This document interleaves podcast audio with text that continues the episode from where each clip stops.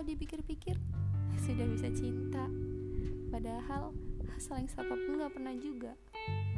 Dan kayaknya ini masalah sederhana yang hampir semua orang pasti pernah punya. Jadi intinya itu saya suka sama seseorang. Pokoknya hal yang biasanya saya nggak suka justru jadi menarik kalau ada di dia. Geli gak sih dengan saya ngomong gini?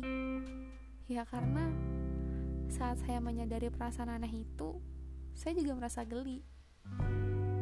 Sedetil apa pun saya cerita, tetap saya ngerasain, tetap saya ngejalanin.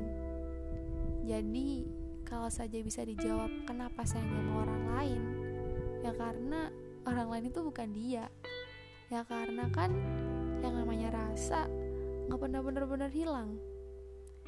Kata mereka, harus tulus. Kalau sudah memberi nggak perlu meminta kembaliannya. Kalau nggak pernah diberi, harus tetap baik sebagaimana terhadap manusia. Jadi saya pikir nggak apa-apa deh. Kalau memang bukan untuk diketahui, biar saya simpan sendiri. Dan jika selamanya perasaan ini cuma bisa jadi rahasia, biar saya nikmati ceritanya.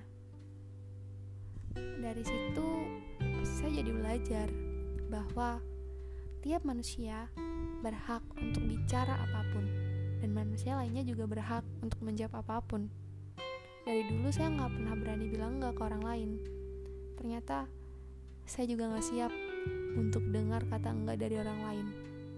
Dan ini, ini hal manja yang harus mulai didewasakan. Karena yang namanya penolakan itu biasa.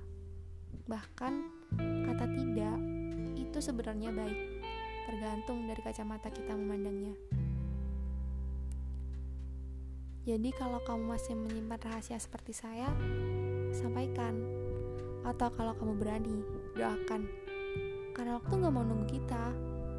Jangan terlalu lama jalan di tempat. Ada yang terbaik yang siap menjemput kita di depan. Eh, tunggu-tunggu.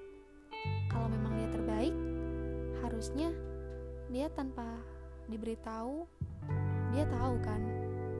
Lihat bagaimana cinta menertawakan kita